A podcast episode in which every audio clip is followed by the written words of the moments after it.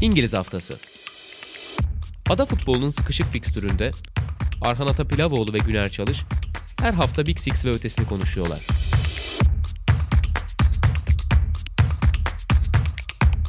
Statsbomb işbirliğiyle.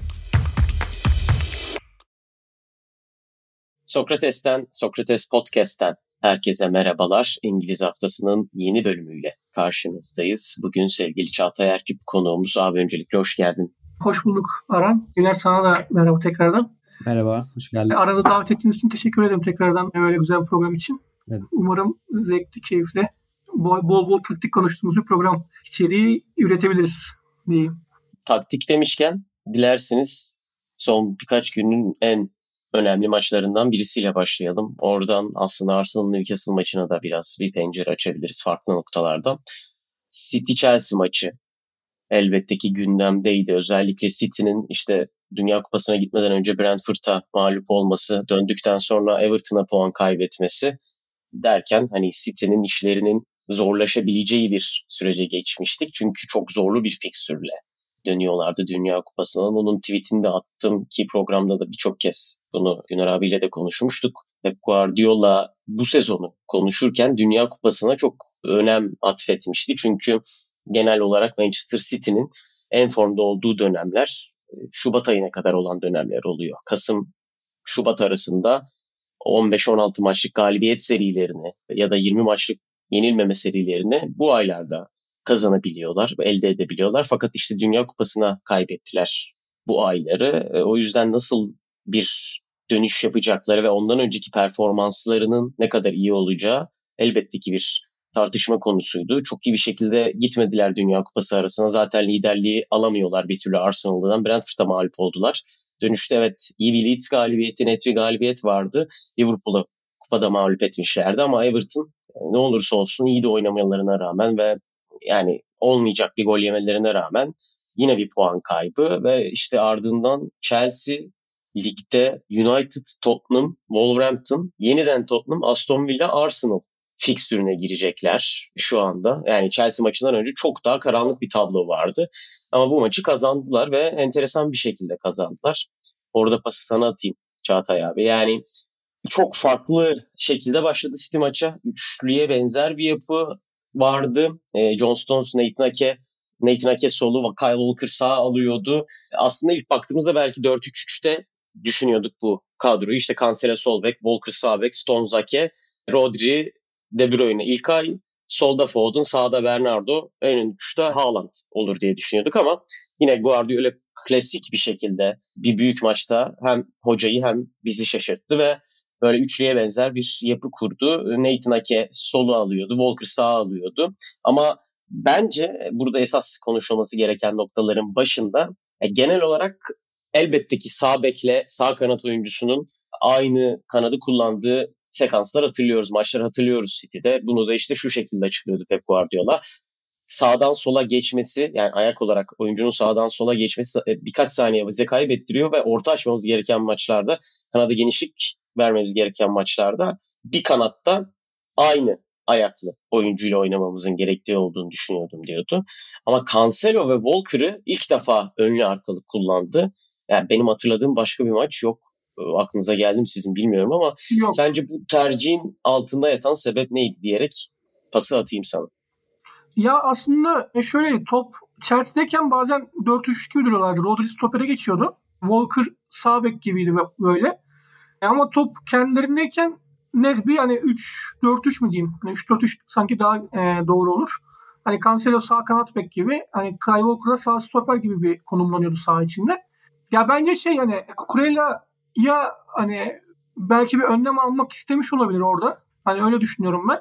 Ama tam tersi oldu. Hiç üretemediler oradan pek. Ve hani atakların çoğunu oradan yediler. E, bence çok mutsuz etmişti bu hani Guardiola'yı. Zaten 45'te ki ben zaten maçın hani gidişatını belirleyen 45'te Rico Levis'le Manuel Akanji'yi alması oldu bence. Oradan sonra bir, tam bir dörtlü aslında diziliş oldu sahada ondan sonra bence. İşte zaman zaman hani Rico merkez gibi oynasa bile top sitedeyken hani savunmadayken net bir dörtlüyü gördük oyun içinde. E, tabii Mahrez'i de alınca 59'da girilişle birlikte ondan sonra daha net bir hani City oyunu gördük bence. İki golle zaten müthiş bir e, build up hani oyun kurmayla geldi. Hani gerçekten derslikti her anlamda. İşte kaleciden başlayan bir atak. Sağda Mahrez'le başlıyor ikinci bölgede. Ardından Mahrez'le bitiyor yine pozisyon. Hani gol atan Mahrez oluyor. Hani, hani muazzam bir oyun kurma setiydi.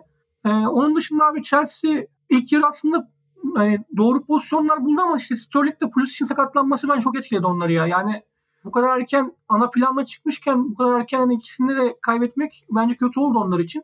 Bir de Chelsea bence hani Potter'ı pek benimseyemedi ya oyuncular. Hani benim düşüncem hani, hani illa konuşursun Chelsea kısmında ama bana oyuncularla Potter'ın böyle arasının iyi olmadığı gibi, iyi olmadığı gibi geliyor bana. Hani özellikle Tuchel'den sonra, Tuchel'in hiç beklenmedik ayrıldığından sonra o Chelsea'nin kötü durumda olmasının en büyük sebeplerinden biri bu bence ki hani bir sürü isim duyuyoruz şimdi. Kadronun yapısını değiştirmeye çalışıyor bence Tuchel'de. Şey pardon Potter'da.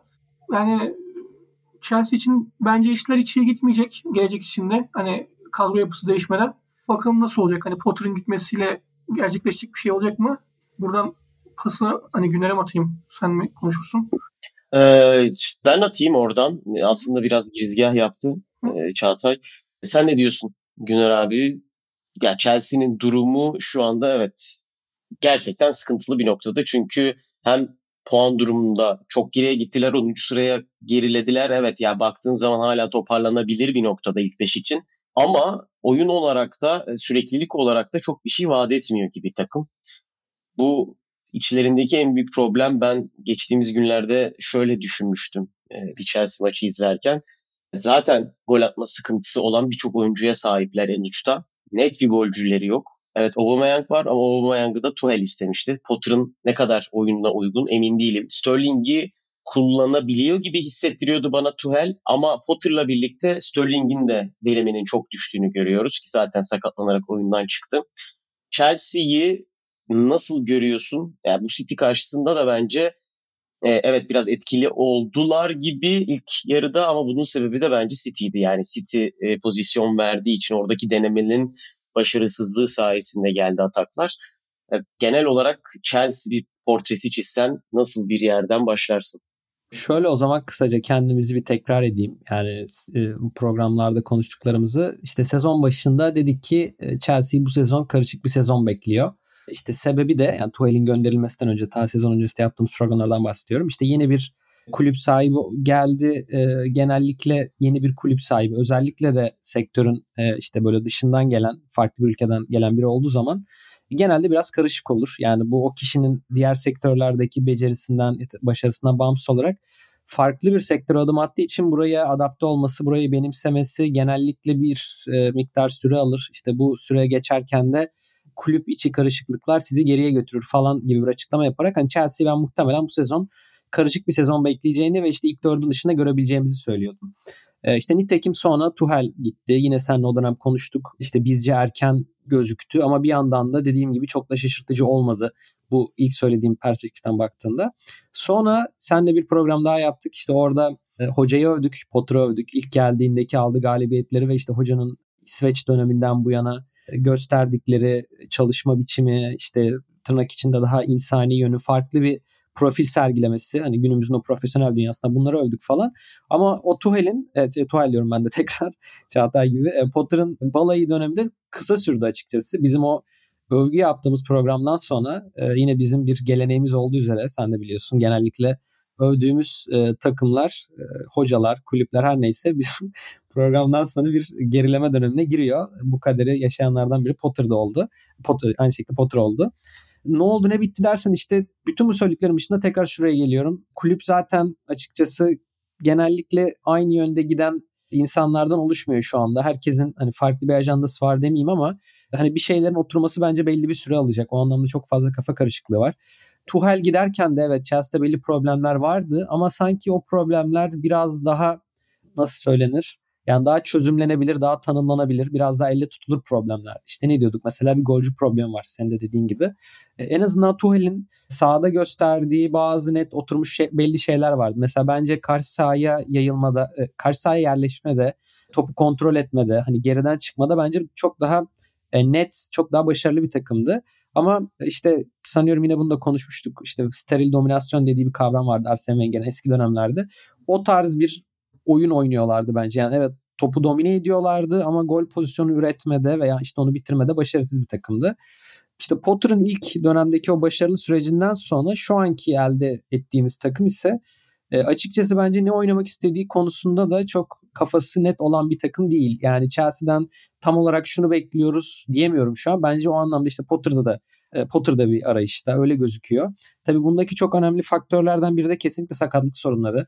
Yani işte Kante çok uzun zamandan beri yok. Evet işte Chilwell keza öyle ama işte bunun üzerine siz de söylediğiniz son maçta mesela Pulisic de gitti, Sterling de gitti ve hakikaten zaten dengesiz olan belli pozisyonlarda problemler olan kadro iyice cılız kaldı bence. O yüzden de açıkçası hem işte dediğim gibi Potter'ın kafasında şu anda net bir kazandıran formülün olmaması e, üstüne de oyuncuların bu şekilde sakatlık problemleri zaten dengesiz olan bir kadroya oldukça sorun yaratmış gözüküyor. E, mesela işte Potter ilk geldiğinde şöyle bir durum vardı. Biraz Brighton'dan bize gösterdiği oyunları bence göstermeye çalışıyordu. İşte o takımda da hatırlarsınız aslında kanat bek gibi başlayıp çok hücumcu olarak konumlanan oyuncular olabiliyordu. İşte atıyorum Trossard belki kanat beki gibiydi ama çok aslında ileride konumlanıyordu. Çok e, gol silahı olabiliyordu mesela. Hani ilk geldiğinde de Sterling'i buna benzer bir rolde kullanmaya çalıştığını gördük. Potter'ın ama o rolde açıkçası hiç de verimli olamamıştı Sterling. Hatta kötü duruma düşmüştü. Son dönemde ise bence bu işte Aralık'tan sonra ligin ikinci yarısında aslında Sterling'in bence daha iyi başladığını, takımda biraz daha belli şeylerin sanki oturmaya başladığını gördük. Derken yine sakatlık problemleri oldu. Yani ben sizin de dediklerinizi katılıyorum. Yani bu söylediklerimde tekrarlarsam onları gerçekten zor bir sezon bekliyor ve e, hani yapılan transferler de var. Para harcamaya devam ediyorlar. Ama bu oyuncuların hiçbiri de hani gelir gelmez belli sorunları çözecek veya kısa vadede belli şeyleri e, Potter adına kolaylaştıracak oyuncular değil gibi duruyor. Hani o anlamda da bence bu sezon zaten çok zor. Hani gelecek sezona da yayılabilecek bir yeniden yapılanma dönemi bekliyor duruyor Chelsea'yi. Ama burada da hani hangi, nasıl bir yol alacakları bence tamamen açıkçası kulübün yeni sahibinin plan programlarına bağlı. Onun da neler yapacağını, nasıl biri olduğunu şu an ben kendi adıma kestiremiyorum. Biraz yaşayıp göreceğiz gibi duruyor. Çünkü işte atıyorum Potter'dan da 3 ay sonra vazgeçip yeni bir hocaya da gidebilir. Bu da bence işte daha da karmaşık bir hale getirecektir açıkçası. Hani böyle bir yol tercih etmesi. Yani bence işin enteresan noktası şu. Tuhel'le evet işlerin çok iyi gitmediği, soyunma odasını yavaş yavaş kaybedebilme potansiyeline sahip olduğu konuşulan e, şeylerden birkaçıydı.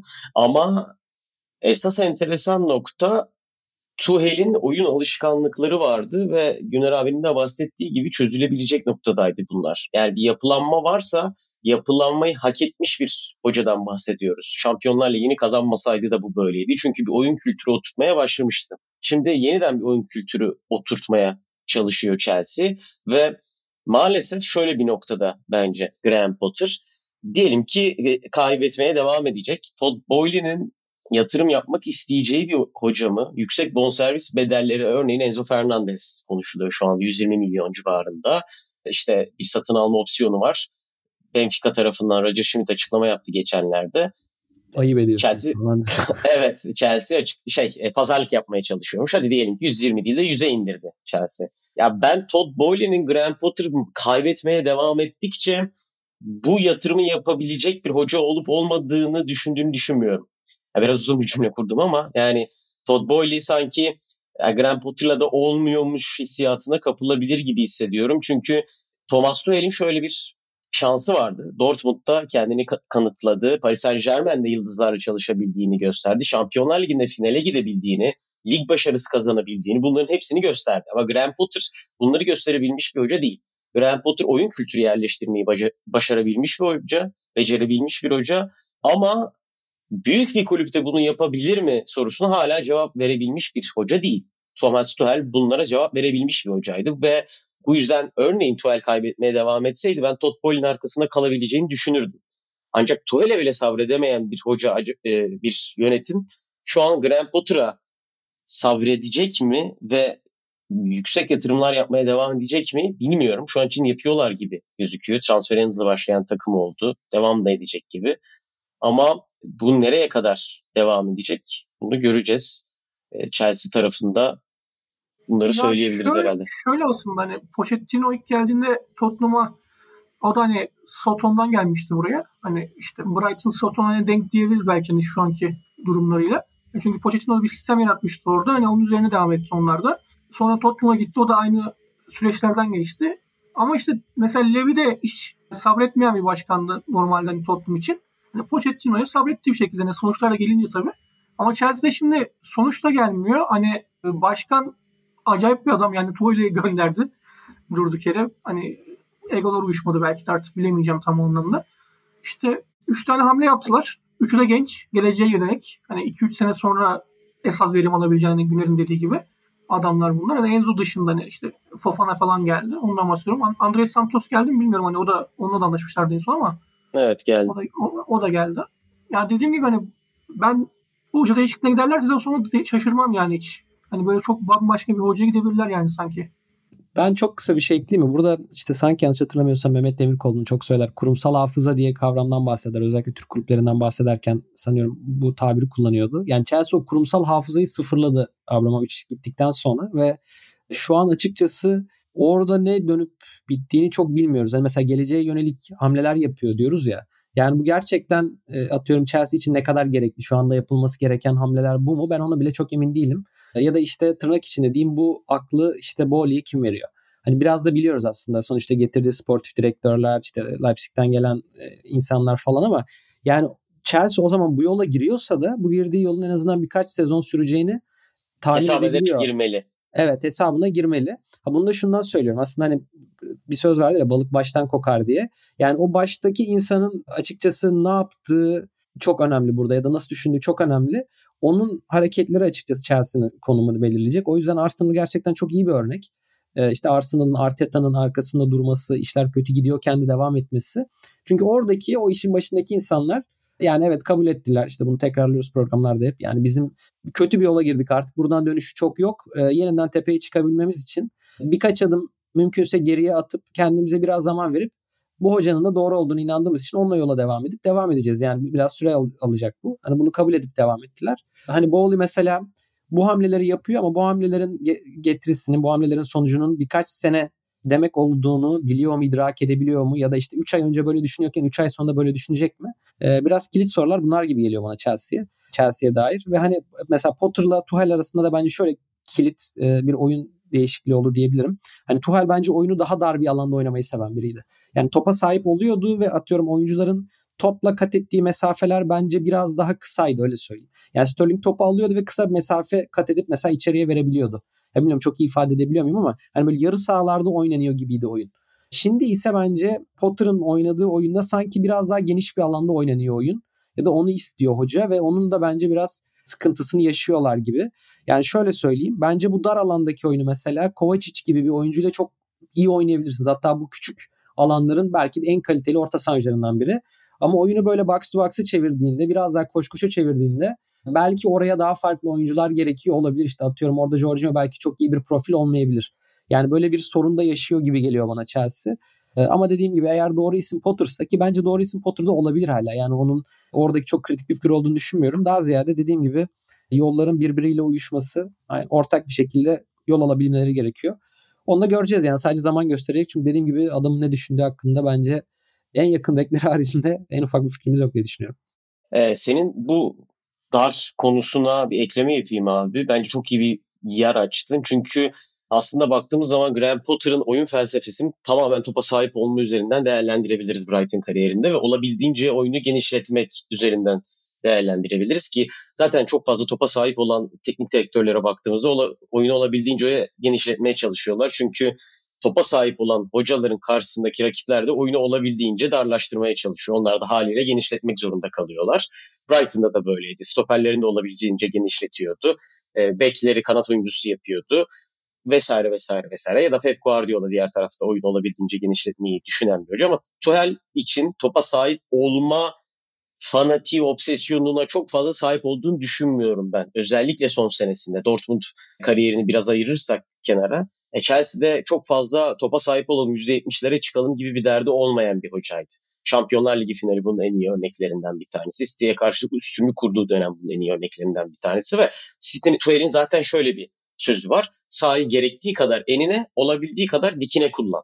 Yani bu zaten onun felsefelerinden bir tanesiydi. Bu nedenle biraz daha dikine ve biraz daha dar alanda oynamaya alışkın bir takımın dediğin gibi geniş alana yayılması bir anda çok da kolay şeylerden birisi değil. Yani mesela Brighton'da şu an genişlikten biraz daha dar bir noktaya taşırsan hoca olarak ya e, ne bileyim biraz daha merkezde daralalım. Örneğin işte Steven Gerrard'ı getirirsen başa sadece beklerle genişlik vermeyi düşünen bir hocayı getirirsen bence Brighton'da da çok fazla şiraze kayabilir. Chelsea'de de bence güzel bir ekleme oldu bu. Ekleyeceğiniz bir şey yoksa dilerseniz biraz ilk dört yarışına bakalım zaten Chelsea ile orayı açtık. Hani orada da çok büyük bir yarış yok tabii ki Chelsea adına ama e, Tottenham, United, Liverpool üzerinden konuşabiliriz orayı. E, Liverpool ve Tottenham yer almaya devam ediyorlar. United da tam tersi kazanmaya devam ediyor. Orayı bir incelememiz gerekiyor sanki. Güner abi senle başlayalım dilersen. Çünkü hep konuşuyoruz zaten kendi aramızda da United'a dair bir e, farklı konuşma yapılması gerektiğini son olarak Aston Villa'ya mağlup oldular ki biz bunu da biraz tahmin ediyorduk Aston Villa'ya yenilebilirler diye ama ondan sonra Fulham'ı mağlup ettiler. Nottingham Forest, Wolverhampton, Bournemouth galibiyetleri aldılar ve bu maçlarda bence en çok dikkat eden nokta savunmayı toparlamış gibi gözüküyorlar ama savunmayı toparlamış gibi gözükmelerinden öte bence ya takım savunması tamamen oturmuş gibi değil işte Casemiro'nun eklenmesiyle birlikte ya, takımın genel olarak bir özgüven depolamasına sahip olduğunu hissediyorum ben. Ve bunu bence gösteren en iyi oyuncuların başında da Marcus Rashford geliyor. Sen nasıl görüyorsun United'daki havayı? Evet ya ben bu arada biraz burada sözü Çağatay'a da vereyim. Hani biraz kısa keseyim sonra ona vereyim sözü. Bir önceki kısımda çok konuştuğumu düşünüyorum çünkü. Ya United'da ben diyorum sezon başında açıkçası biraz fazla yüklenmişim Ten Hag'a.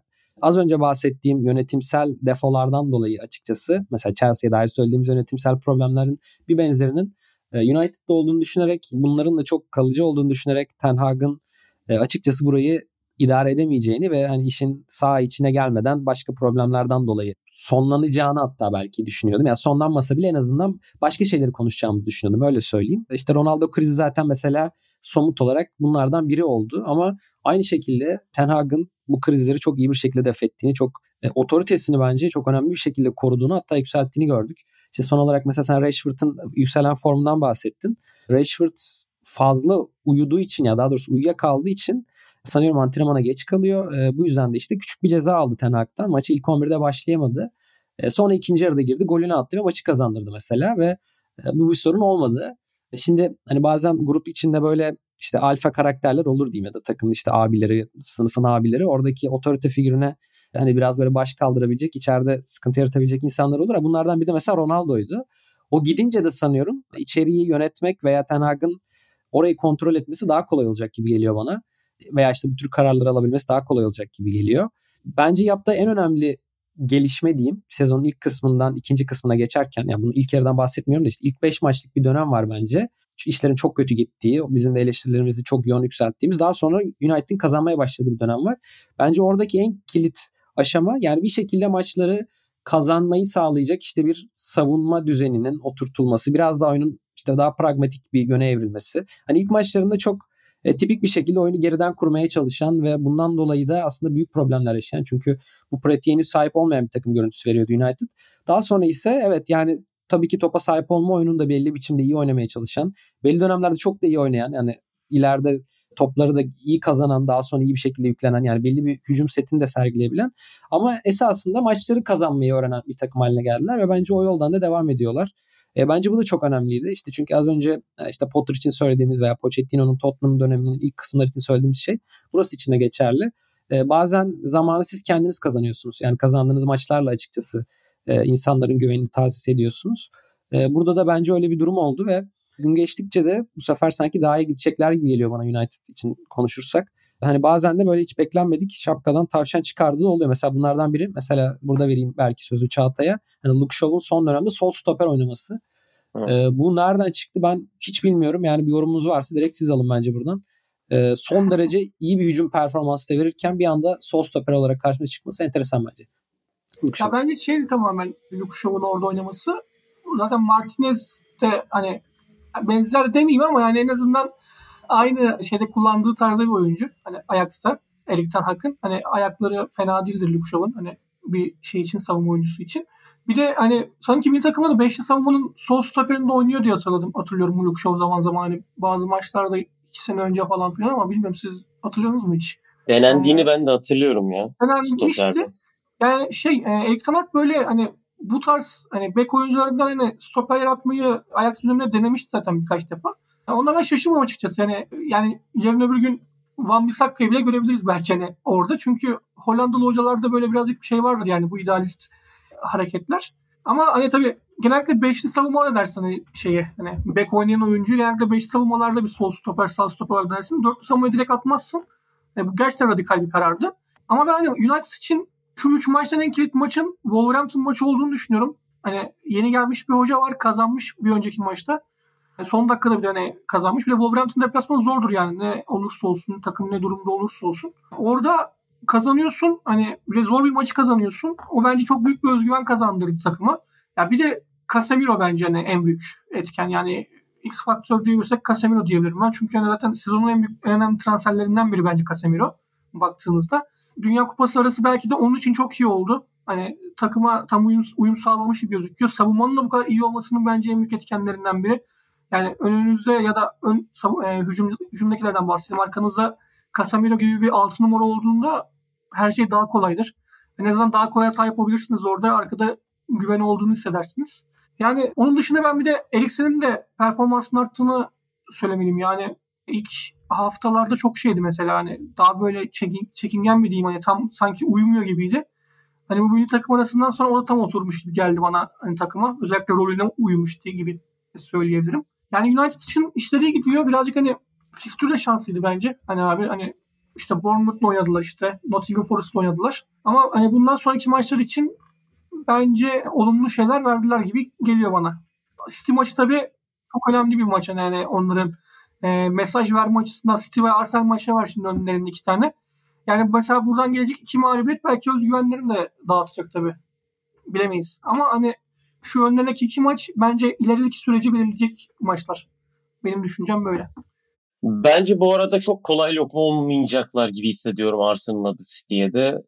Çünkü Solskjaer döneminden bu yana hani kurumsal hafıza dediysek evet Manchester United'in çok dağıldığı maçlar da oldu ama hatta Mourinho dönemini ekleyebiliriz. Sıkıntı çıkardığı maçlar da oldu. O sıkıntı çıkardığı maçlardan bir tanesi de bu sene mesela Arsenal'ın mağlup olduğu tek takım zaten hala United. E, o maçı hatırlıyoruz. City'ye karşı ne kadar fark yaşadığımızı gördük demişti Tanak. Ama onu ufak ufak kapatmaya başladıkları da gerçek. Yani kazanırlar diyemiyorum ama böyle Liverpool'a karşı dağıldıkları gibi bir maç sanki olmaz gibi hissediyorum. Bir de şunu ekleyip e, aklıma geldi. E, Solskjaer bir dönem oynatıyordu şovu. Üçlüde Van Bissakka'nın kanat bek olduğu evet. dönem. Evet. Şampiyonlar Ligi'nde vesaire oynamıştı şov. Ben özellikle bu kadar hani formdayken ve sol bekte de bence etkiliyken, hücuma katkısı falan da ön plandayken orada kullanılması, orada verimli olması güzel bir hamle yani. Biraz aslında Malasya'yı kullanmak için de olabilir gibi geldi bana. Bilmiyorum ee, ama. Şu da var bence. Şimdi Lisandro Martinez döndüğünde bence o gelecek ilk 11'e. Yani hani orada en azından şöyle bir alışkanlık isteyebilir yani. Orada sol ayaklı bir adam oynasın. Hani benim sistemimin e, evet, evet. hani kilit noktası o olsun. Şeyi hani hatırlıyor musunuz? E, Luke Shaw'u bence denemesi ilginç değil yani bence. İlk geldiğinde işte takıma dair bir analiz yaptım. E, sol stoper mevkisinde problem görüyorum falan diye bir açıklaması da vardı. Ha. Bilmiyorum hatırlıyor musunuz? İşte hatta şu, ya Maguire, eleştir, Maguire eleştirisinden ziyade sanırım biraz da bu. Hani dediğin gibi orada kesinlikle abi sol ayaklı birini istiyor. Hani e, belki onunla alakalı yani bilmiyorum. Kim yapmıştı buna benzer yine bir hoca buna ayak konusuna takıntılı bir hoca enteresan birisini oynatmıştı diye hatırlıyorum ama Hayır, e, şimdi çıkartamadım. Hollanda hocalarda var sanki bu ya. Hani o lig izlediğimizde kesinlikle hani stoperdeki o iki oyuncu hani üçlü oynamıyorlarsa genellikle hani sol stoper kesin sol ayaklı, sağ stoper kesin sağ ayaklı olmak zorunda gibi böyle bir hani takıntıları oluyor bazı hocaların. Özellikle Hollanda hocalarda var yani bu. Evet. E, bu arada Eriksen'den bahsettin sen. Bence Eriksen kesinlikle Casemiro'nun varlığıyla birlikte çok yükseldi ve oradaki rolünü iyi benimsedi bence. Hani Aynen. E, ya ben o çift pivotta böyle bir role evrildim. Zaten hani yaşı gerektiği hem fiziksel olarak yaşadıkları Euro'da bunu gerektiriyordu belki de. Ben pek mantıklı bulunmayan bir karardı. Aslında baktığımız zaman Manchester United'ı şu açıdan e, özetleyebiliriz sanki. Yani sene başında mantıklı bulunmayan birçok şey şu an yavaş yavaş yerine oturuyor gibi. İşte Lisandro Martinez çok kısa deniyordu. E, Stoper'de kendine yer buldu. Christian Eriksen pivotta mı oynar? Brentford'a karşı böyle mi çıkılır deniyordu. O kendine bir yer yaptı. E, Fanfisakka e, işte Tenak'la birlikte olmaz deniyordu. Deniyordu dedim bunu ben de diyordum bu arada. O da Tenak'la birlikte kendine bir yer bulmuşa benziyor. Önemli işte kazanma alışkanlığı bu tarz evrelerde çok çok çok sizi farklı noktalara getirebiliyor. Diyeyim ve United'a dair ekleyeceğiniz bir şey yoksa biraz Tottenham Liverpool cephesine bakalım. Tottenham bir kazanıyor, bir kazanamıyor, bir kazanıyor, bir kazanamıyor şeklinde ilerlemeye devam ediyor. Ama ona rağmen ilk beşteler enteresan bir şekilde. Palace'ı yendiler. Brentford'la berabere kaldılar. Aston Villa'ya mağlup oldular. Nasıl görüyorsunuz Tottenham'ı? Özellikle sonun sakatlıkla birlikte, yüzündeki maskeyle birlikte sıkıntı yaşadığını biliyoruz. Kendisi de açıklama yaptı geçtiğimiz günlerde. Hani ben oynamak istemiyorum maskeyle gerçekten beni çok etkiliyor ama ailem oynamamı istiyor diye. Biraz Conte'nin de e, gemiyi terk etmek için hazır olduğu hissiyatını alıyorum ben. Yani şöyle bakıyorum. Tottenham bir yıldız takımı hiçbir zaman olmayacak gibi. Yaptığı transferler bazen çok yüksek bonservis bedelleri ödüyorlar ama ondan sonra zaten hemen bu bonservis bedellerinin aşağısına iniyorlar. İşte Endombele transfer sezonu belki de kırılma anlarından birisiydi kulüp adına. Orayı daha farklı bir şekilde geçirebilselerdi ya da yapılan transferler verim yapılan transferlerden verim alınabilseydi şu an farklı bir Tottenham konuşuyorduk. Conte'nin de genel olarak kariyerine baktığımızda istediği transferleri alamadığında nasıl kulüplerle ayrıldığını biliyoruz. Şu anda işte 4-5 oyuncuya ihtiyacımız var. Hatta şampiyonluk yarışında olabilmek istiyorsanız Premier Lig'de 13-14 tane çok iyi oyuncuya ihtiyacınız var. Bunlara sahip olduktan sonra da üstüne 60-70 milyon euroluk birkaç oyuncu eklemeniz gerekiyor her sezon dedi. Şöyle bir bakınca sizce Tottenham'ın 13-14 tane çok iyi oyuncusu var mı? E, ne düşünüyorsunuz bu konuda? Ya Tottenham aslında geçen sezon da hatırlarsınız ikiniz de yine buna benzer bir problem yaşamıştı sezonun ortasında. Hatta yine Ocak aylarıydı. E, birkaç maç üstte kaybettiler. E, işte ta ki Kulüşevski'nin takıma girişi, yeni transferlerin takıma girişi o noktada yine Conte işte realist diyebileceğimiz e, belli gerçekleri işte yüzümüze vuran ben takımın başında kalamayabilirim. İşte belki ben doğru kişi değilimdir e, veya işte bizim belli bir bütçemiz var gibi açıklamalar yapmıştı. Ya Conte bunu her gittiği takımda yapıyor zaten bunu biliyoruz. Yani işler ters gittiği zaman özellikle yönetimle işte çakışmaktan veya belli şeyleri sert bir şekilde söylemekten çok çekinen bir antrenör değil. O anlamda son dönemdeki işte çıkışları da çok problem olmayabilir gibi geliyor bana. Yani bu sürekli yaptığı bir şey. Ve hani genelde onun bu tarz açıklamalarından sonra da takımların çıkış yaptığını açıkçası görebiliyoruz. Bir şekilde yol bulabiliyorlar bence ki geçen sezonda bunu görmüştük. Ama burada şundan bahsedebiliriz yani daha ziyade Tottenham kendini nerede konumlandıran bir takım. Belki bazen bunu unutuyoruz ve o anlamda hakikaten e, Conte haklı olabilir. İşte evet çok yeni ve çok güzel bir statları var gerçekten. E, bu anlamda hem çok daha büyük bir kulüp havasına büründüler doğru veya işte e, oradan daha fazla gelir elde ediyorlar vesaire ama hala harcama kapasitesi işte bir Manchester United kadar, bir Manchester City kadar veya işte özellikle bir Chelsea kadar şu an değil Tottenham'ın ve doğrudur yani bunun problemlerini yaşıyorlar. Şöyle bir durum oldu aslında işte Daniel Levy'nin başkanlık yaptığı süreçte ilk olarak onlar 2000'lerin başında bunu arada sanıyorum bir kere Levy de söylemişti. İşte biz bir orta sıra kulübüydük. E, daha sonra işte üst sıralar oynayan bir kulüp haline geldik. Sonra o bile yetmedi. Artık Şampiyonlar Ligi'ne gidemediğimizde kötü hissediyoruz kendimiz gibi bir açıklaması vardı. E, dolayısıyla evet aşama aşama büyüyor Tottenham ve o hep bir sonraki aşamaya geçerken de aslında bu konumunun yeni olduğunu bazen unutuyor veya kabullenemiyor gibi bir durum oluyor sanıyorum. Bunu neden anlatıyorum? Yani Şampiyonlar Ligi'ne katılmaya oradan gelecek paraya e, açıkçası veya oradan gelecek prestije atıyorum Chelsea'den veya Manchester United'dan daha fazla ihtiyacı olan bir kulüp Tottenham ve hani o yüzden mesela zaten Conte'ye zaten bu kadar bağımlılar açıkçası. Arsenal da bir dönem böyleydi. İşte Arsene Wenger'i son dönemlerinde onu kaybettikten sonra zaten onlar bir kademe düştüler ve kademe düşüklerini kabul edip buna yönelik bir planlama yaptılar ama işte Pochettino'nun gönderilmesinden sonra Daniel Levy bu kademe düşmeyi açıkçası kabul etmedi. Bunda sanıyorum büyük oranda hala stadyum harcamalarının hani oraya harcanacak paraların, kredinin falan da etkisi var. Yani herhangi bir maddi kayıp e, yapmayı göze alamıyorlar. Ve dolayısıyla da açıkçası Conte'nin gönlünü hoş tutmak zorundalar biraz da. Çünkü atıyorum Tottenham'ın 5. olması işte Manchester United'ın bu sene 5. olmasına çok çok daha büyük bir problem kulüp adına. Dediğim gibi hem maddi anlamda hem de oyuncuların işte yani kulübün prestiji anlamında söylüyorum. Yani işte United belki 5. olduğunda atıyorum Rashford ya da Bruno Fernandes için çok büyük bir problem değilken e, Harry Kane için e, tekrardan çok büyük bir problem haline gelebilir mesela bu. Ki United'da da atıyorum Ronaldo'da benzer bir sorun görmüştük. Yani ne kadar hani Ronaldo benzer kalibrede çok önemli bir oyuncu olmasa da Kane gibi. Yani dolayısıyla da e, evet yani Tottenham büyük bir kulüp. Hala oralar oynayan bir kulüp ama bir şekilde bence biraz da zorunluluktan Conte'nin gönlünü hoş tutacaklardır ve e, buradan da çıkacaklardır gibi geliyor bana.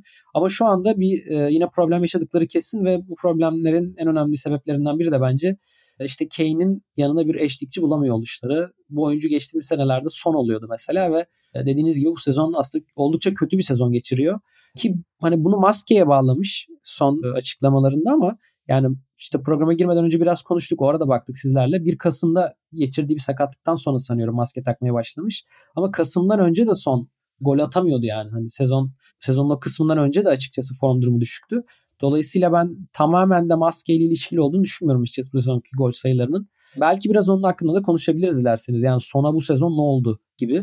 Veya hani sizin de bilmiyorum başka tabii katkı yapacağınız, ekleyeceğiniz bir yer varsa oradan da konuşmaya devam edebiliriz. Ben de isterseniz hani kendi açımdan bir yorumlayayım. Yani Spurs hakkında şunu söyleyeyim ben hani Conte normalde nasıl bir hocadır? Hani defansif açıdan her zaman hani takımlarında işte gol yemeyen o tarz bir hocadır. Mesela bu son galibiyetlerine kadar, Palace galibiyetine kadar son 7 maçta gol yemişlerdi. Ve hani hepsinde de yedikleri gol sayısı 2'nin üzerinde yani. Öyle öyle diye hatırlıyorum. Sanki Evet çok gol yiyorlar. Çok gol yiyen bir takımdı hani bu sezon. Yani savunma da pek oturmadı aslında baktığınızda. Savunma, savunmayı da oturtamıyor şey yani Conte bir türlü. İşte devamlı değişiklikler yapıyor. Hani oynattığı oyuncuları değiştiriyor vesaire falan.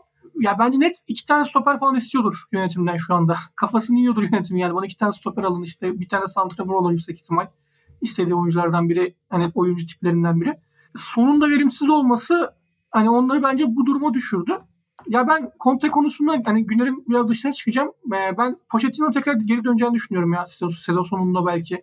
Yani şu an deli gibi beklediğini düşünüyorum Pochettino'nun Tottenham'ı. Ben bir değişim olacak gibi geliyor bana sanki Tottenham'da da. Hani Conte mutsuz çünkü yani belli yani. Uyumuyor kafası da yönetimle pek. Belki hani bilmiyorum bu dönemi çıkartır mı sezon sonuna kadar. Hani burada tamamlayıp belki bu seneyi seneye başka bir hani yeniden Pochettino'nun geri dönüşünü izleyebiliriz gibi geliyor bana Tottenham için. Ya son açısından şunu söyleyeyim hani her oyuncunun kötü zamanı olur ama hani son gerçekten bu sene hani hiç eski eskiden hani bir şeyler sahibi kötü oynasa bile onu da yapamıyor bu sezon. Top tutamıyor bazen hani yeri geliyor bitirmesi gereken pozisyonları bitiremiyor. Belki maske çıktıktan sonra daha farklı olur bakalım. İlginç geldi bana da onu. Hani e, yorumu açıkçası. Benim Tottenham'la alakalı söyleyebileceğim iki söz var. Onlardan birisi Conte ile alakalı. Hani ayıyla dansa kalkarsan ayı oturduğunda oturursun hesabı. Conte ile dansa kalkıyorsan Conte oturduğunda oturuyorsun. Yani Conte'yi getirip e, hani Enzo Fernandez Chelsea noktasında konuştuk ya. Benfica diyor ki satın alma opsiyonunu öde, istediğin gibi al. Chelsea de tamam ödeyeceğim diyor. Sonra pazarlık yapmaya çalışıyor. Biraz sanki Daniel Levy Conte ilişkisi oraya evrildi. Yani Conte'yi getirdiğinde tamam her şeyi halledeceğiz dedi. Paratici'yi getirdi. Şimdi ya hocam onu da şöyle mi yapsak gibi bir noktaya evrildi sanki ilişkileri. Ve Conte anlatıyı, Tottenham kariyerinin anlatısını biraz şu noktaya çekmeye çalışıyor. Ya bak ben çok büyük bir iş yapıyorum ve siz bunun farkında değilsiniz. Bu takım normalde ilk dört adayı bile değil ama biz bu takımı ilk dört adayı yapıyoruz gibi bir noktaya taşımaya çalışıyor bence son çok e, haftalardaki. Ya bu arada? Ee, evet. Portekizli birisini anımsattı bana. Yani Birkaç işte yine konuştuk yani sizlerle de. Zaten onun eski versiyonuyla denedi olmadı. Yenisini getirdi. Ya çünkü diyorum yani bu kadronun hala çok iyi olduğunu inanıyor bence Louis. Yani çok iyi demeyeyim de yeniden başlamak istemiyor öyle söyleyeyim. Arsenal'ı benzeri ve bunlardan böyle o son suyuna kadar en son halini bir sıkıp e, onu da kullanmak istiyor açıkçası. O siklusun da sonuna geldiğimizde bir şekilde yeniden başlamaları gerekecek. Bence Pochettino öyle bir dönem olursa belki belki gelebilir ama orada bence kişisel bir kırgınlık da var artık aralarında. O yüzden biraz problem de olabilir gibi geliyor bana tekrar. Ben Conte'ye katılıyorum bu arada. Yani o kadar hani dışarıdan mesela Pochettino da aynısını yaptılar bence Tottenham'lar. Hani niye şampiyon olamadı falan dediler de yani gerçekten o, o zaman kadronun tam üzerinde oynayan bir kadroydu o. Yani şu an kadro da öyle bence. Hani tamam ilk dört adayı diyebiliriz belki ama hani işte Liverpool, United, Arsenal işte City'nin önünde mi? Bence hayır yani. Ona rağmen iyi iş çıkartıyor. Burada önümüzdeki dört maçları çok şey acayip. Yani Arsenal, City iki tane City maçları var. Sadece bir arada Fulham maçı var. Çok zor fistüre giriyorlar bir de. O da ilginç birazcık onlar için. Evet kesinlikle zor bir fikstüre giriyorlar ve şu da söylenebilir Tottenham'la alakalı. Dediğim gibi anlatıyı hani Conte Mourinho'ya benzer bir şekilde çok zor bir iş yapmaya kırıyorum dedi diye düşündüm. Bu sanki biraz sezon sonu ben ayrılacağım ve ben çok iyi bir iş yaparak an, ayrılıyorum buradan. Hani Mourinho da benzer bir noktadaydı hatırlarsınız. Ben finale çıktım. Ya, o kupayı da kazanacaktım. Her gittiğim kulüpte kupa kazanma noktasına geldim gibi bir anlatı yaratmaya çalışmıştı son zamanlarında. Yani Daniel Levy sanki Pochettino'yu yollarken yeniden başlamak istemiyordu. Çünkü oyuncuları yollamak zor olandı ve evet orada hak verilmişti ona. Ama günün sonunda yine oyuncuları yollamasının gerektiği bir noktaya geliyor ve onun kurtarıcısı olarak Pochettino'ya gider mi yine? Ondan da çok emin değilim. Yani sanırım Harry Kane'i satmak belki Manchester City'ye en mantıklı karar olacaktı. Hem kasayı çok büyük bir şekilde dolduracaktı ve yeniden inşaat sürecini başlatabilecekti. Ama işte olmadı ve takım bir şekilde tıkanıyor gibi. Ya yani Daniel Levy de biraz bana Fikret Orman'ın şu sözünü anımsatıyor. Yani gönlüm cennet istiyor ama günahlar koy vermiyor diye. Evet bir hep bir şeyleri değiştireyim ve cennete gideyim isteği var. Ama işte o e, yatırımı yapmayı ya da yeniden başlamayı da bir türlü içine sindiremiyor. O yüzden Tottenham her zaman bir çıkmazda buluyor sanki kendini. Kadro kesinlikle kötü bir kadro değil. Ya yani sonuçta Premier Lig'in en önemli 5 oyuncusunun ikisi Tottenham'da desem ne kadar fazla karşı çıkan kişi olabilir ki? Yani muhtemelen evet Kevin De Bruyne, Haaland yani Kane'i yani 5 alırız diye düşünüyorum ben. Chelsea'den kötü değil kadroları bence. Chelsea'nin yaptığı tüm harcamalara rağmen kötü değil diye düşünüyorum ben. Misal. United'dan da kötü değil. Yani bu iki takımın üzerinde bence bitirebilir mesela. Bitirmesi gerekir hatta. Evet yani. Yani o yüzden bu çok şey bir noktada olmaması gerekiyor bence Tottenham. Ya inanılmaz bir başarı var. Bence başarısızlık var eğer ilk dört içerisinde bitiremezse bu takım. Bu arada ben de kendi attığım pasa kendim koşayım o zaman öyle söyleyeyim. Şu son olayına geri dönecek olursam bence orada şöyle bir sorun var. Takımda biraz yaratıcı oyuncu eksikliğinden de söz etmemiz gerekiyor sanki ve şöyle söyleyeyim benim bu sezon Tottenham'ı izlediğim maçlarda en çok dikkatimi çeken şeylerden biri yani topu Tottenham'a verdiğiniz zaman topun yani topun Tottenham'da kaldı ve rakibin kendi yarı sahasında beklediği dönemlerde çok beceriksiz gözükmeleri. Mesela en son Aston Villa maçında da izledim. Atıyorum Doherty sağdan bir koşu gösteriyor. Savunma arkasında bir koşu atıyor ama o pası atabilecek kimse yok mesela. Bu bence Conte'de atıyorum veya Mourinho'nun takımlarında da aslında hep gördüğümüz yaratıcı bir oyuncu vardır. O pasları atacak, o oyunu oynayacak. Çünkü e, aslında biraz bunlar direkt oynamayı seven, o şekilde gole gitmeyi seven hocalar ve hani Conte'nin de alameti farikası özellikle üçlü savunma, kanat beklerin kullanılışıyken son Chelsea şampiyon olduğunda da işte rakipler dörtlü bir şekilde savunuyordu o zaman kenardan 5. bir oyuncu çok iyi şekilde kaçırıp hep sürekli hani e, satrançta arkaya kaleyle gidersin ya dümdüz bir şekilde. Hani o şekilde sanki e, arkaya kaçarak rakibi alt etmeyi başarıyorlardı ama tabii o pasları atacak biri lazımdı. Tottenham'da bence şu anda temel problemlerden biri de o açıkçası ve oyunun bu şekilde sıkışması, yaratıcılığın olmaması ve işte sonu da bence doğru yerlerde topla buluşturamamak sonunda verimi düşür diye düşünüyorum ben. Yani çünkü son biraz dribbling evet çok yüksek bir oyuncu, topla çok iyi kat edebilen bir oyuncu ama biraz da doğru noktada topu buluşturmanız gereken bir oyuncu bence.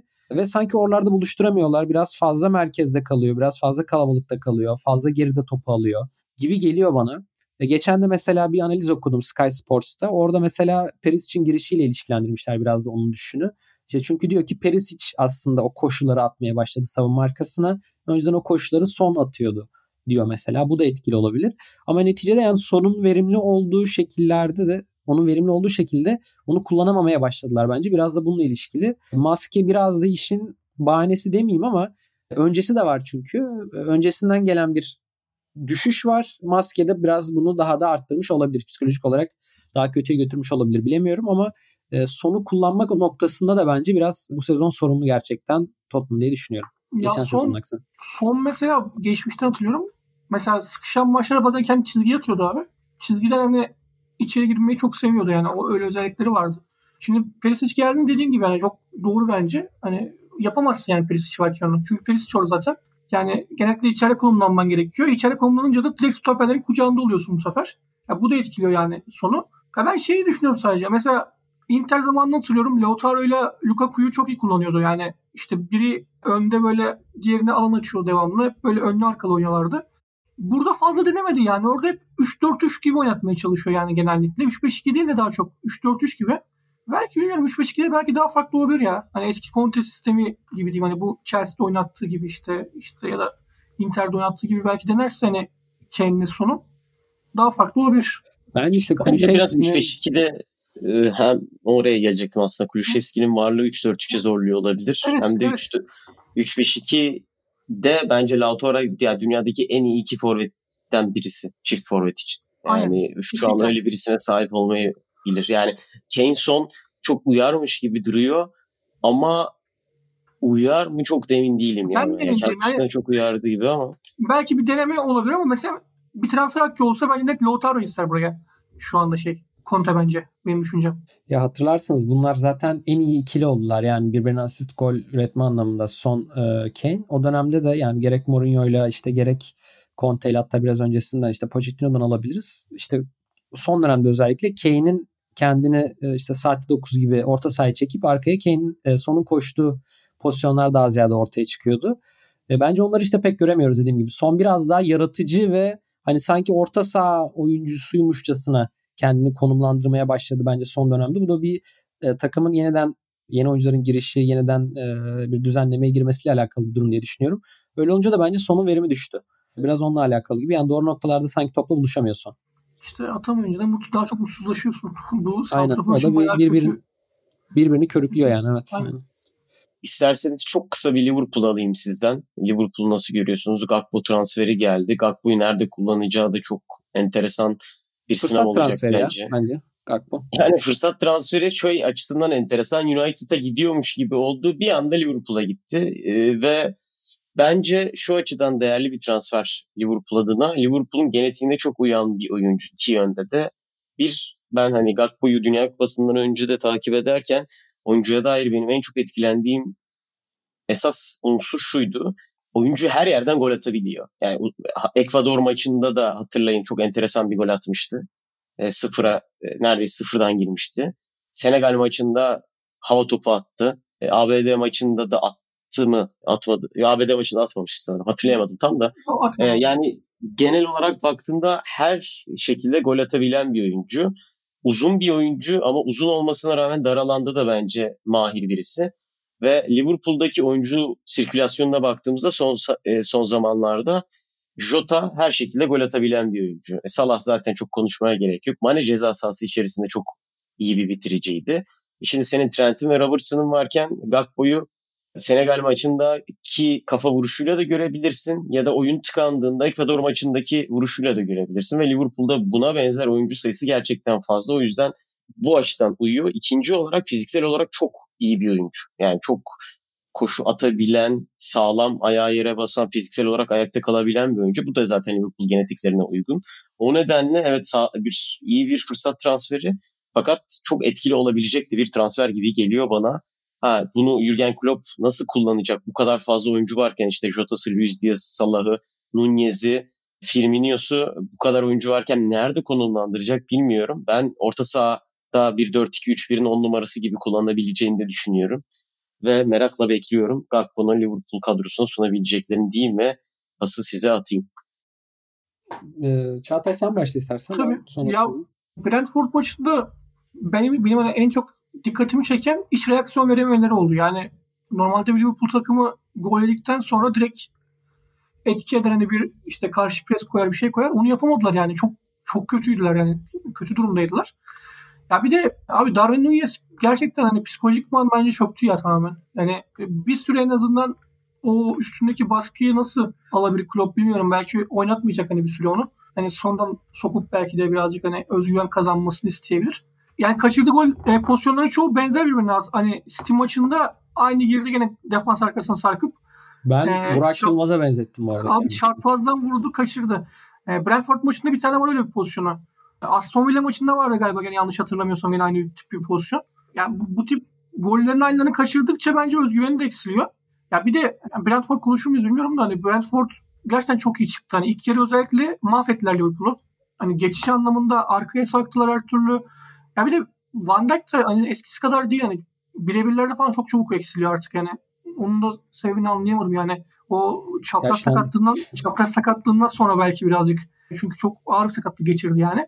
Yani Liverpool için Gakpo bence çok büyük çok önemli bir ekle, ekleme olacak. Hani Arhan'a katılıyorum orada. Ben de aynısını düşünüyorum. Hani Harvey Elliott yerine ben mesela son maç Elliott oynadığı için hani söylüyorum. Mesela Gakpo olsa daha farklı bir maç izlerdik belki. Yani Liverpool bu sezon mesela hani pres etkinliğin anlamında en en etkili takımlardan biri sanırım şeyde e, ligdeki ama hani ne kadar verimli yapıyor onu da tartışırım açıkçası. Ben hani ilk 4 adayı kesinlikle ama hani ilk 4 dışında kalırlar mı? Kalırlarsa şaşırmam gibi geliyor bana ya. Ya işte onların da kritik zaten o sezon, bu açıdan o sezon. Yani şöyle oldu. Son birkaç sezondur Liverpool öncesinde City'nin en büyük rakibi gibiyken artık şunu gördük. Ya iki takım da belli bir yolun sonuna geldi. Yani takımların yenilenmesi gerekti. Onu yaparken City çok daha kusursuz gidiyor anlamda. İşte atıyorum Haaland'ı aldılar ve aslında oyun anlamında bayağı bir değişiklik var ama bir şekilde tepedeler yine. E, Liverpool'da ise bu süreç çok daha sancılı geçtiğini görüyoruz ve onların da aslında bence temel parametresi şu oldu. Bazı sezonlar düşüyorlar hakikaten ama düştüklerinde en azından ilk dörtte kalmayı başarabiliyorlar diye düşünüyorum. Ben işte iki sezon önceki mevzu buydu. E, bu sezonun da hikayesi bence tekrar ona döndü. Yani Mane'nin gidişi, işte oyuncuların yaşlanışı, Van Dijk'ten bahsettim. Fabinho'da da aslında bayağı bence büyük, büyük düşüş var baktığında. Yani omurgadaki oyuncuların düşüşü olduğu sezonlarda takımda yenilenmeye başlamışken en azından bir şekilde Şampiyonlar Ligi parasını koruyacakları, ilk dörtte kalacakları bir e, performans çıkarmaları gerekiyor. Bu sezon başarabilecekler mi? Çok emin değilim çünkü bence United buradaki en büyük rakip gözüküyor. Yani Newcastle'da bir rakip ama o kadar da önemli olmayabilir. Tottenham var, Liverpool var, City ve Arsenal var zaten. Bilmiyorum yani ilk dört o açıdan zor olacak. Ben Gakpo'yu şöyle söyleyeyim. Niye fırsat, fırsat transferi olduğunu. Ya iki açıdan. Bir bunu galiba kendileri de söyledi. Yanlış hatırlamıyorsam Klopp da söyledi. Yani uygun bir fiyata aldılar. Dedi ki hani birkaç sezon daha beklesek biz bu adamı alamazdık dedi Klopp. E, doğru. E, bu fiyata bulmuşken de alalım dediler. Yani hani şey vardır ya. 40 milyon civarına geldi mi herhalde? O öyle 40 milyon evet 40 milyon. Yani Gördüğüm en ucuz transfer son zamanlardaki. Toni Kroos'un Madrid'e gitmesi gibi bir şey. Yani ya şey oluyor yani artık enflasyonist ortamda da ucuzmuş alalım hani stok yapıyorsun. Ee, öyle bir durum yani Liverpool'un yaptığı. Ee, hatta işte Klopp şunu övmüş Gakpo'ya dair. Yani buna başka oyuncular ilk dörde girip giremeyeceğimizi sorguluyorlardı. Gakpo bunu hiç sormadı bile. Hiç önemsemedi dedi mesela. Bu da işte biraz önce söylediğim şey farkını gösteriyor. Yani işte ilk dörde giremezse mesela Tottenham'daki pek çok oyuncu için problem olabilir. Atıyorum başta Kane ama e, Liverpool yine de o bir sezon düşmeyi en azından kaldırabilecek bir takım hüviyeti veriyor mesela. Bu da önemli olabilir belki. Bir de şunu yapıyorlar dediğim gibi yani belli oyuncular yaşlandı. Belli oyuncular artık eskisi gibi değil. İşte Firmino da mesela bunlardan biri. E, hakikaten ön tarafta işte veya orta sahada yap, orta sahada ne kadar yapamasalar da özellikle ön tarafta belli bir oyuncu stoğu yapıyorlar ve ucuzken alıyorlar ve hani bu oyuncuları da birkaç sezon sonra takıma entegre edebilmeyi mümkünse hedefliyorlar ve hani bilmiyorum bunu başarabilecekler mi? Mesela bence Diego Jota'da mesela bunu gayet güzel yapmışlardı. Darwin Nunez'de tam olarak yapamadılar hatta şu an için kötü gidiyor. Ama hani şu an çok kalabalık gözüküyor gibi olsa da bence hani ona da birkaç sezon içinde bir rol bulacaklardır. Yani belki orta sahada, belki kenarlarda bilemiyorum ama hani transferin esas gerekçesinin özellikle şu anda ön taraftaki sakatlık krizi işte Oxlade Chamberlain oynuyor mesela ve e, ikinci olarak da oyuncunun e, fiyatının görece ucuz olması olduğunu düşünüyorum ve oyuncunun da hevesli olması. ya bir şey E, bu mi anlamda mesela? da bir fırsat e, transferi hakikaten. dediğine katılıyorum. Bir de ekstra şey de geliyor şimdi. Baysetiş gibi bir oyuncu Evet, geliyor acayip. yani. Yani izlediğim maçlarda şey City maçını ben canlı izleme fırsatı buldum şeyde İngiltere'de. Çok acayip bir çocuktu ya. Hani sahada çok olgundu yani öyle söyleyeyim. Sanki 10 yıldır falan şeyde oynuyor. Liverpool'da oynuyor gibiydi. Aston Villa maçında girdi golünü attı falan takımı rahatlattı bir böyle. Fabregas'ı hatırlattı valla. Açıkçası Ay. tarzı giriş falan. Yani çok çok acayip bir çocuk o da yani. Ondan da bence yararlanacaklar ileriki süreçte ki tam Klopp'un sevdiği tarzda bir oyuncu. Sert böyle e, işte orta sahada gerektiği Çok özgüvenli ya. Özgüveni de var. O baskısı da var. Doğru pozisyon oluyor her seferinde de. Dediğim gibi belki yani iki sene sonra yeniden belki o aynı seviyeye işte Mane gitti. işte belki Salah iki sene sonra gider belki. Sanki oraya bir hazırlık yapıyor dediğim gibi. Hani Ya bir de bu tarz sezonların şöyle bir avantajı oluyor. Genç oyunculara biraz daha süre verebiliyorsun. Yani çok kötü gidiyorsa sezon açıkçası böyle adamlara biraz sıra geliyor. Yani Bayçetici mesela atıyorum geçen sezon çıkarabilir miydi? Çok emin değilim yani. yok. Hani çok ileri gidiyorken. Hani bazen biraz daha perspektifli uzakta tuttuğun zaman da hani bazen birinci olursun bazen dördüncü olursun ama hani kötü giden sezonunda bir sana geri dönüş olur işte atıyorum. Rıdvan Yılmaz Ersin işte. Ha yani işte Aynen. ben de Galatasaray'dan Kerem diyecektim. Yani öyle de bakmak lazım. Ee, Ka- hani... Carvalho da geliyor şimdi mesela Fabio Carvalho da var. Onu da saymadık mesela o da var. Tabii. Yani var. Liverpool en azından birkaç oyuncu katabilirse bu sezondan o anlamda da e, yani evet bir anlamda kötü bir sezon ama bir anlamda da uzun vadede bakınca kendi avantajlarına çıkacağı bir sezonda olabilir. İşte bence orada belirleyecek şey mesela Jude Bellingham'ı alamayacaklar herhalde. Yani Real Madrid'e gidecek gibi duruyor. Aileyi ikna evet. etmiş çünkü orası. İşte Enzo da Chelsea'ye gider dersek hani elde bir Kayseri kalıyor galiba. Moses Kayseri kalıyor. Onu, Orta saha çözmeleri lazım ya. Onu, evet. olabil, onu da alabilecekler mi bilmiyorum yani. O da o olursa mesela çok iyi beklem olur gelecek için. Kayseri'de. Evet. Ya işte Liverpool'un abi şöyle bir olayı var. Yani oyuncu çok iyisi alıyorlar. Yani biraz kafa karışıklığı varsa almıyorlar. Yani işte Van Dijk'ta da aynısını yaptılar. Yani Nunez'e ve çok para verdiler ve şu an kötü gidiyor ama yani oyuncuya da inanmışlar. Hani takımın kalitesini sadece yükselteceğine gerçekten inandıkları oyunculara gidiyorlar ya da işte adam hakikaten çok ucuz alıyorlar. Uzun vadeli proje olarak işte Ramsey aldılar mesela sağ öyle. Hani Gakpo tam bu şeye klasmana giremez belki ama atıyorum Şakir'i falan da öyle aldılar yani zamanında. Hani bunun bu iktisadi yönünde çok iyi düşünüyorlar, planlıyorlar açıkçası. Yani orta saha transfer yapmamaları da biraz bence ondan. Yani alacaksa işte adam Bellingham alacak. E, alamayacaksa diyecek ki bende Bayçetiç diye bir adam var. E, o zaman ben biraz buna süre vereceğim gibi. Ama onun işte sonuçları da böyle oluyor. Arada da dördüncü oluyorsun. ya da beşinci. Ya Alisson da mesela örnek verebiliriz. Olsen ismi falan da geçiyordu Alisson varken. Beklediler Alisson aldılar. Aynen öyle. E, ekleyeceğiniz bir şey yoksa dilerseniz kapatalım. Bir haber vereyim bu arada. Az önce gördüm Roberto Martinez Portekiz'in teknik direktörü oluyormuş. Bunu günel çalışan bir yorum olarak kapatalım bölümü. Valla enteresan. Şaşırdım. E, çünkü milli takım çalıştırmak istemediği için falan ayrıldığını söylüyordu. E, demek ki işte söylenenlere değil tavra bakacağız. Yine her zamanki gibi.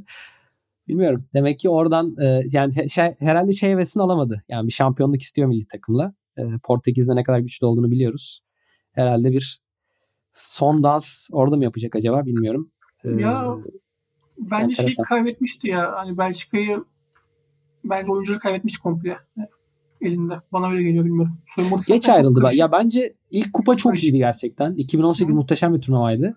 2020 ortalamaydı. Son turnuva çok kötüydü gerçekten. Belki bir turnuva geçirirse Portekiz'le iyi olabilir. Sonrası için çok emin değilim. Belçika kariyerini o zaman şu şekilde özetleyerek kapatalım. Ya erken ölürsün ya da kötü adama dönüşecek kadar uzun yaşarsın. Roberto Martinez'in Belçika kariyeri de biraz öyle oldu.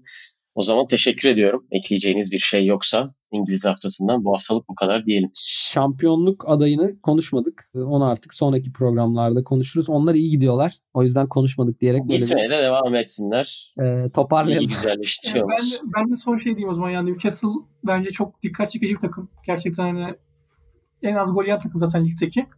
Ben kalacaklarını düşünüyorum ya ilk dörtte açıkçası bu sezon. Öyle Valla ben, top, ben Tottenham Liverpool diyorum yine ama bakacağız bilmiyorum. Chelsea kesinlikle giremez. Newcastle'da 5. olur diyorum şu anki tahminim. O zaman böyle sıkıştırayım. Büyük maçların hepsini çok olgunlukla oynadılar ya. Hani hiç düşmediler oyun içinde de. Hani zaten kaybettikleri maç var mı? Bir Liverpool'a kaybettiler galiba zaten sezon boyunca. O da son dakikada Fabio Carvalho atmış zaten. Ben devam edeceğini düşünüyorum ya bu şekilde. Bakalım nasıl olacak. Tamam. Yok ben de kötü olduklarından değil de alttakiler daha sağlam gelebilir. Hala o fırsat var diye düşünüyorum da. Ama bakalım tabii göreceğiz. O zaman teşekkür ediyorum ve İngiliz haftasından bu haftalık bu kadar. Gelecek bölümlerde görüşmek üzere. Hoşçakalın. Hoşçakalın.